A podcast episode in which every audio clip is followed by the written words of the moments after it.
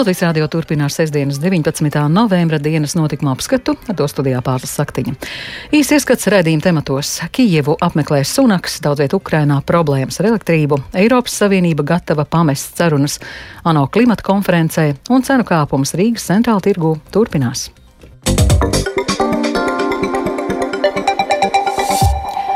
Lielbritānijas premjerministrs Rišijs Sunaks šodien ir ieradies Kijivā. Tā ir viņa pirmā vizīte Ukrainā kopš stāšanās apvienotās karalistes vadības vadītāja amatā.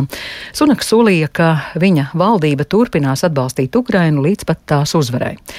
Savukārt Maskava izteica protestu par polijas varas iestāžu lēmumu neļaut Krievijas ārlietu ministram nākamnedēļ piedalīties starptautiskajā sanāksmē tās teritorijā.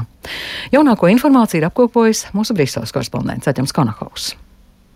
Lielbritānijas valdības vadītājs Rišijs Sunaks sestdien ir ticies ar Ukrainas prezidentu Volodimiru Zelenski. Sunaks devies uz Kijevu, lai izteiktu atbalstu Zelenskim un apstiprinātu, ka arī viņa vadībā Lielbritānija turpinās atbalstīt Ukrainas centienus atbrīvot un aizstāvēt tās teritoriju. Kā zināms, apvienotā karaliste ir viena no valstīm, kas visai aktīvi palīdz Ukrainai, un tas bijušais premjerministrs Boris Džonsons ir vairāk kārt viesojies Kijivā. Savukārt Helsonā sestdien no rīta ir ieradies pirmais vilciens no Kijivas. Tas atveda uz nesen atbrīvoto pilsētu aptuveni 200 pasažierus.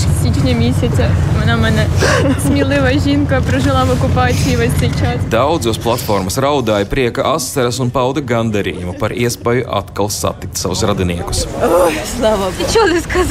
Я люблю тебя, девочка моя. Не плакал давным-давно. Увидел дочку. Vilcienu satiksmes atjaunošana tiek uzskatīta par ļoti simbolisku soli, kas apliecina, ka Ukraina atgūst kontroli par savu teritoriju. Piektdienas vakarā Kijavas dzelzceļa stacijā Helsinas vilcienu apskatīja arī Eiropas komisijas priekšsēdētājs izpildvietnieks Valdis Dombrovskis. Arī viņš bija ieradies Ukrajinā ar vilcienu, kā to tagad dara praktiski visi starptautiskie viesi, jo gaisa satiksme joprojām ir slēgta. Tikmēr gandrīz visā Ukrainā par arvien nozīmīgāku problēmu kļūst elektrības padeves traucējumi. Krievija turpina apšaudīt elektrības infrastruktūru, un tādēļ gandrīz puse no tās ir bojāta. Kopumā problēmas ar elektrības piegādi izjūt 17 Ukrainas reģioni, kā arī galvaspilsētas iedzīvotāji.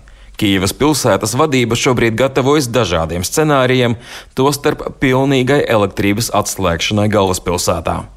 Tomēr iedzīvotāju evakuācija no Kijavas pašlaik netiekot apspriesta. Turklāt problēmas ar elektrības un siltuma piegādi notiek laikā, kad daudziet Ukrainā ir izkritis pirmais sniegs. Visbeidzot, Polijas vadība ir liegusi Krievijas ārlietu ministram Sergejam Lavrovam piedalīties nākamnedēļ paredzētajā Eiropas drošības un sadarbības organizācijas sanāksmē Lodzā. Par pamatu tam kļuva tas, ka Lavrovs ir iekļauts Eiropas Savienības sankciju sarakstā. Maskavos to rēģēja asi, sakot, ka šīs esot bezprecedenta un provokatīvs solis, un ka šādi polija esot nodarījusi ECO nenovēršamus zaudējumus. Lavrova vietā Krievijas delegāciju vadīs šīs valsts pastāvīgais pārstāvis ECO. Arčuns Konahaus Latvijas Rādio Briselē. Eiropas Savienībai nav pieņemams Ēģiptes sarunu vedēju piedāvātais risinājums ANO klimata konferencē. Eiropas komisijas priekšsēdētājs izpildu vietnieks Frants Timermans ir paziņojis, ka labāk ir nepanākt nekādu vienošanos, nekā panākt sliktu. Konference Šarmalšeihā turpinās jau dienu ilgāk nekā paredzēts un nav pārliecības, ka delegāti varēs atrast kopsaucēju. Un turpināt jums Konahaus. Galvenās domstarpības ANO klimata konferencē Eģiptē ir par valstu centieniem samazināt CO2 izmešus. Eiropas Savienība uzskata, ka Eģiptes sarunvedēju piedāvātais risinājums nav pietiekami ambiciozs un apšauba iepriekšējā konferencē Glāzgovā sasniegto progresu. Turpretī Eģiptes ārlietu ministrs saka, ka vairumam valstu viņa piedāvātais risinājums šķiet atbalstāms, un tādēļ viņš cer uz izrāvienu. Pārtikas cenas turpina kāpt, secina Rīgas centrāla tirgus tirgotāji un pircēji. Latvijas rādio tirgu šodien arī novēroja, ka pircēju ir lielākā rosība vērojama, kur tirgo pirmās nepieciešamības preces un makam draudzīgus produktus - svaigas reņģes, maizi, pienu, dārzeņus. Bet ekskluzīvo zivju stendos pārdevējs turpina gaidīt pircējus. Uz tirgu devās Ieva Puķe. Nēģi žēlējā 45 eiro kilogramā. Cik bija pagājušo gadu ap šito laiku? Atceraties? Man liekas, ka 36 varbūt kaut kur tā. Cilvēki pirka uz svētkiem. Jā. Pirka tāpat kā, kā katru gadu. Nu, nē, nu, padrusciņām vienkārši mazāk ņem, bet ņem daudz mazāk. Un kā citām zivīm cenas arī mazliet kāpušas? Nu, drusciņā, jā, drusciņā, ne visam, bet, bet sviesta tāpat stāv. Masteris tāpat. 24 eiro kilogramā sviesta zivs. Pārējais, jā, cenas pacēlas.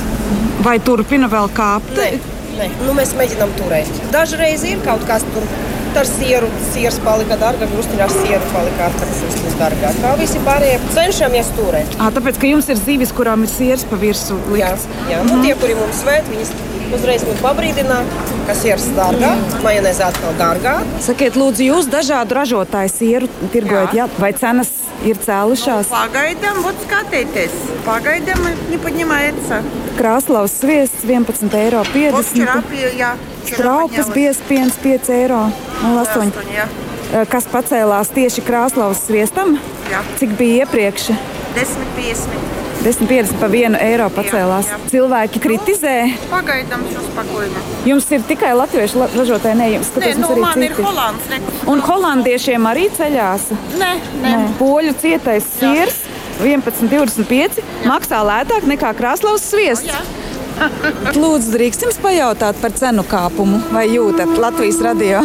Jā, protams, ka jūtu. Es ļoti disciplinēta.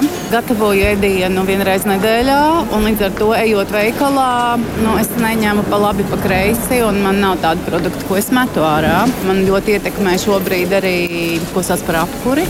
Tā šobrīd viens no ģimenes locekļiem, mans dēls dzīvo Vācijā, nu, jau mēs arī pārtikas ziņā cenas pie mums ir augstākas. Jā, šobrīd ir cenas pie mums ir augstākas. Ja salīdzina atsevišķus produktus, sieru, nu, gaļa, gaļa ir tā, ka mēs esam laikam līdzīgās pozīcijās. Tikai algas viņiem ir reiz trīs. Jūs nu, mēģināt uz kaut ko ekonomēt, esat kaut kādu mainījuši paradumus ģimenē? Nu, grūti ir man mainīt kaut ko, jo es jau tā dzīvoju ekonomiski daudz, daudz gadus. Es strādāju skolā un tā alga mums ir tik liela, cik viņa ir. Mm. Nu, piemēram, es eju divreiz nedēļā uz sporta zāli, tāpēc, ka nu, man arī ir jāizlādējās un jāuztur sevi labā formā, un tur arī cenas ir augušas.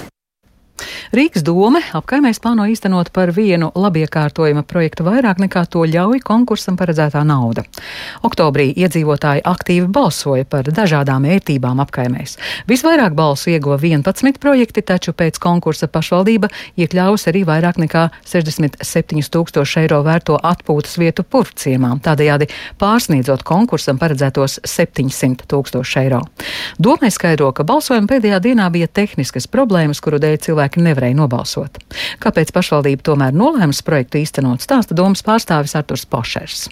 Starp pēdējo virssvītras projektu un uh, pirmo aizsvītras atšķirība ir ap 40 balsīm. Pirms portāls pārstāja darboties, notika ļoti aktīva balsošana. Pastāv iespēja, ka 12. projekts varētu būt virs svītras, ja balsošana būtu notikusi līdz tiem 12. naktī. Komisija ir nosūtījusi pieprasījumu Rīgas pilsētas izpildirektoram ar lūgumu piešķirt tūkstošo finansējumu. Tagad gaidām atbildi, cerams, ka jaungadēļ jau būs atbildi uz mūsu pieprasījumu. Paredzēts, ka šos labiekārtojumus pašvaldība īstenos divu gadu laikā.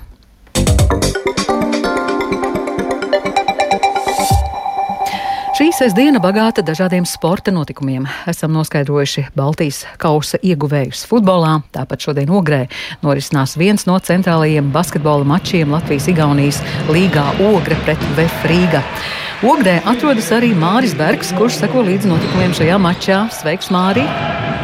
Sveika pārsla, sveicināti klausītāji! Māri šī spēle ogrē tika gaidīta ar zināmu intrigu, vai mačs līdz šim attaisnojas cerības? Šobrīd ogrē rezultāts otrā puslaika, teiksim, trešās ceturdaļas beigās 72-59 BF labā, tāpēc katrs pats var spriest, vai spēle ir attaisnojusi sev liktās cerības vai nav. Jāsaka, šodien VF sekmīgi izdodas izmantot savu augumu un spēku pārsvaru, viņiem tiekot pie labiem metieniem grozas tūmā. Savukārt ogrē jāpaļaujas uz metieniem no pustālās un tālās distances, bet grozas tūmā viņiem ir grūti tikt, un tur ogrēniešiem metieni ir tiešām līdzīgi lielu, lielu pretestību. Tiksim, Ogrē arī ir sastāva problēmas. Nevar spēlēt viens no komandas līderiem, Kristaps Dārgais, kurš iesildījās, taču spēlēt viņš vēl nav gatavs. Trūkst arī centrs Jānis Pozņaks. Nu, līdz ar to Ogrē laukumā šodien bija jādodas, un arī šobrīd spēlē Arnas Kalve, kurš sporta apavus šajā sezonā patiesībā bija nomainījis pret kurpēm un uzvalku. Un pamatā Kalve strādā kā Ogres, tre, Ogres galvenā trenera palīgs. Tieši ogrēniešu galvenais treneris Ulrichs Šveide pirms spēles sarunā Latvijas radio norādīja, ka izlaša pauze komandai ir ļāvusi apcietēt savas traumas, bet, kā redzam, pēc rezultāta tad ar to nav bijis gana. Klausāmies Ogres galveno treneri Ulrichs Šveidi. Mūsu gadījumā tas bija pat ļoti labi jo spējām maksimāli koncentrēties uz tām lietām, piemēram, kādas traumas vai mikrotraumas sadziedēšanu. Un tā pagājušā nedēļa pagāja tā uz kaut kādām sīkām detaļām, treniņos, gatavoties uz nākošo pretinieku, bet eh, principā tas bija tāds atvesaļošanās nedēļa. Jā, spēle ogrē tāda turpinās. Trešajā ceturdaļā vēl divas ar pus minūtes jāspēlē. Rezultāts 72-59 VF Rīga labā pārsla. Māri, šo pēcpusdienu noslēdzās Baltijas kausa izcīņa futbolā. Latvijas izlasēja finālā samērojot spēkus ar ļoti respektablu Islandes izlasi. Kura komanda dienu pabeigusi ar kausu rokās? Baltijas kausu burtiski pirms brīža Daugavas stadionā izcīnīja Islandes izlase, viņiem svinot uzvaru tikai pēcspēles 11 metru sitienu sērijā. Pēcspēles sitieni patiesībā krietni ievilkās, abām komandām sitot precīzi pirmajās septiņās sitienu sērijās. Savukārt 8. sērijā savu sitienu nerealizēja Latvijas izlases aizsargs Antonijs Černomordijs. Latvijas izlase šajā mačā jau 27. minūtē nonāca mazākumā, kad Raimondam Krolim tika piešķirts nu, tāda ļoti apšaubāma sarkanā kartiņa.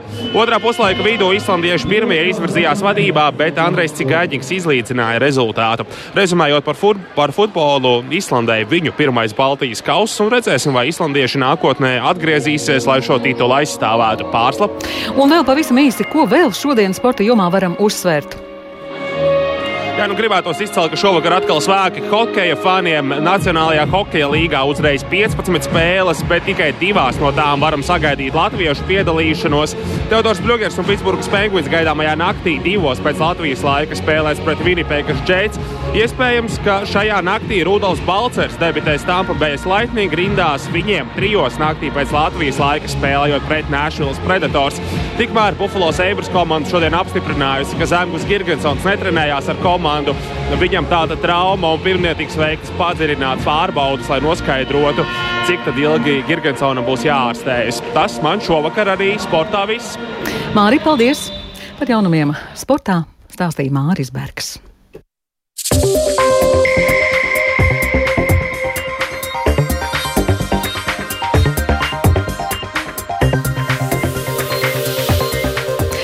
Ar to izskan dienas notikuma apskats. Producents Viktors Pupiks, ierakstus montēja Renāša Steimanis par labskaņu rūpējās Mātiņš Paiglis, ar jums runāja pārslas saktiņa un vēlīs par svarīgāko. Kijivu apmeklēs Sunaks, daudzviet Ukrainā problēmas ar elektrību, Maskava izsaka protestu par Polijas varas iestāžu lēmumu neļaut Krievijas ārlietu ministram nākamnedēļ piedalīties starptautiskā sanāksmē tās teritorijā. Eiropas Savienība ir gatava pamest sarunas apvienoto nāciju organizācijas klimata konferencē. Šī raidījuma atkārtojums raidierakstu platformās, kā dienas ziņas un Latvijas radio mobilajā lietotnē. Latvijas radio ziņām sekojiet arī Latvijas radio viens Facebook lapā un LSMLV. Yeah.